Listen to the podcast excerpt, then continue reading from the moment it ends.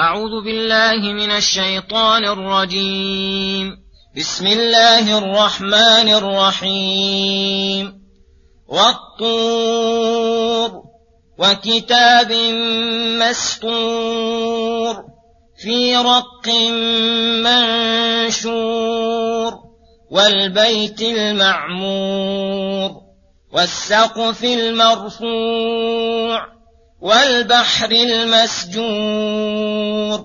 إن عذاب ربك لواقع ما له من دافع يوم تمور السماء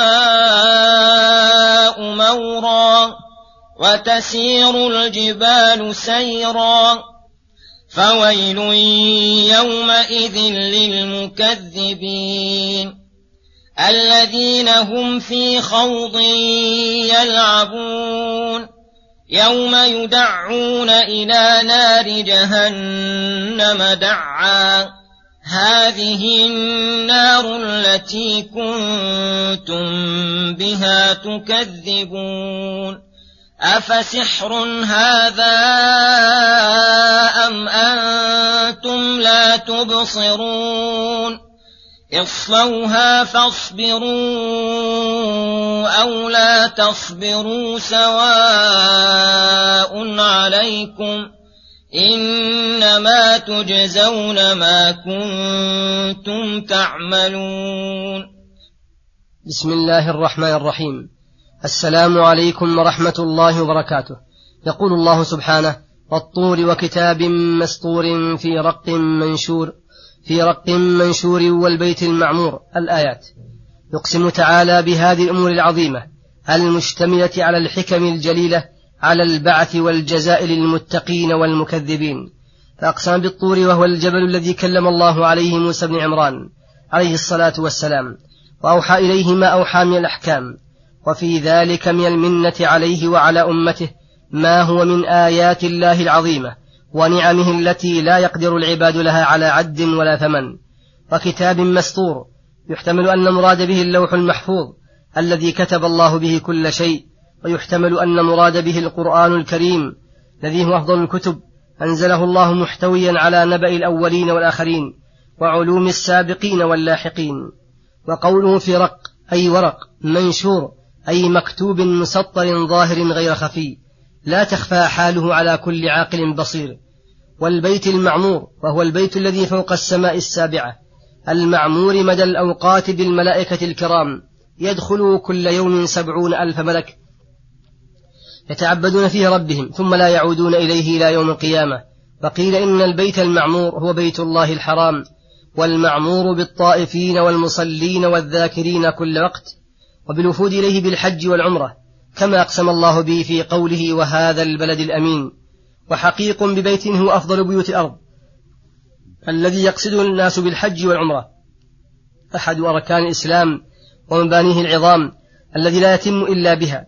وهو الذي بناه إبراهيم وإسماعيل وجعله الله مثابة للناس وأمنا أن يقسم الله به ويبين من عظمته ما هو اللائق به وبحرمته.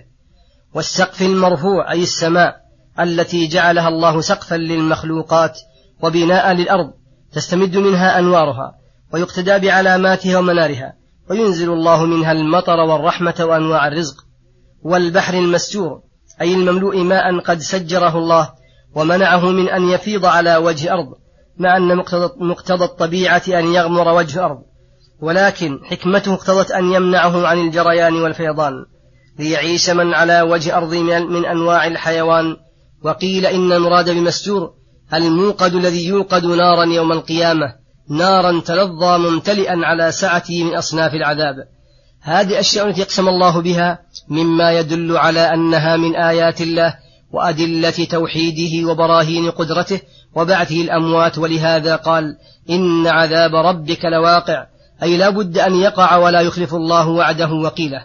ما له من دافع يدفعه ولا مانع يمنعه لأن قدرة الله لا يغالبها مغالب ولا يفوتها هارب. ثم ذكر وصف ذلك اليوم الذي يقع فيه العذاب فقال يوم تمور السماء مورا. أي تدور السماء وتضطرب وتدور حركتها بانزعاج وعدم سكون. وتسير الجبال سيرا أي تزول عن أماكنها وتسير كسير السحاب. وتتلون كالعهن المنفوش وتبث بعد ذلك حتى تصير مثل الهباء. وذلك كله لعظم هول يوم القيامة. فكيف بالآدمي الضعيف؟ فويل يومئذ للمكذبين والويل كلمة جامعة لكل عقوبة وحزن وعذاب وخوف. ثم ذكر وصف المكذبين الذين استحقوا به الويل فقال الذين هم في خوض يلعبون أي خوض بالباطل ولعب به فعلومه بحوث بالعلوم الضارة المتضمنة للتكذيب بالحق والتصديق بالباطل وأعمالهم أعمال أهل الجهل والسفه واللعب بخلاف ما عليه أهل التصديق والإيمان من العلوم النافعة والأعمال الصالحة يوم يدعون إلى نار جهنم دعا أي يدفعون إليها دفعا ويساقون إليها سوقا عنيفا ويجرون على وجوههم ويقال لهم توبيخا ولوما هذه النار التي كنتم بها تكذبون. فاليوم ذوقوا عذاب الخلد الذي لا يبلغ قد لا, لا يبلغ قدره لا يبلغ قدره ولا يوصف أمره. أفسحر هذا أم أنتم لا تبصرون؟ يحتمل أن الإشارة إلى النار والعذاب كما يدل عليه سياق الآيات. أي لما رأوا النار والعذاب قيل لهم من باب التقريع أهذا سحر لا حقيقة له فقد رأيتموه. أم أنتم في الدنيا لا تبصرون؟ أي لا بصيرة لكم ولا علم عندكم بل كنتم جاهلين بهذا الأمر. لم تقم عليكم الحجة والجواب انتفاء الأمرين. أما كونه سحرا فقد ظهر لهم أنه حق الحق وأصدق الصدق المنافي للسحر من جميع الوجوه. وأما كونهم لا يبصرون فإن الأمر بخلاف ذلك. بل حجة الله قد قامت عليهم ودعتهم الرسل إلى الإيمان بذلك. وأقامت من أدلة والبراهين على ذلك ما يجعله من أعظم الأمور المبرهنة الواضحة الجليلة. ويحتمل أن الإشارة بقوله أفسحر هذا أم أنتم لا تبصرون إلى ما جاء به محمد صلى الله عليه وسلم من الحق المبين والصراط المستقيم أي أفيتصور من له عقل أن يقول عنه إنه سحر وهو أعظم الحق وأجله ولكن لعدم بصيرتهم قالوا فيه ما قالوا اصلوها أي ادخلوا على وجه تحيط بكم وتشمل أبدانكم وتطلع على أفئدتكم. فاصبروا أو لا تصبروا سواء عليكم أي لا يفيدكم الصبر على النار شيئا ولا يتأسى بعضكم ببعض ولا يخفف عنكم العذاب.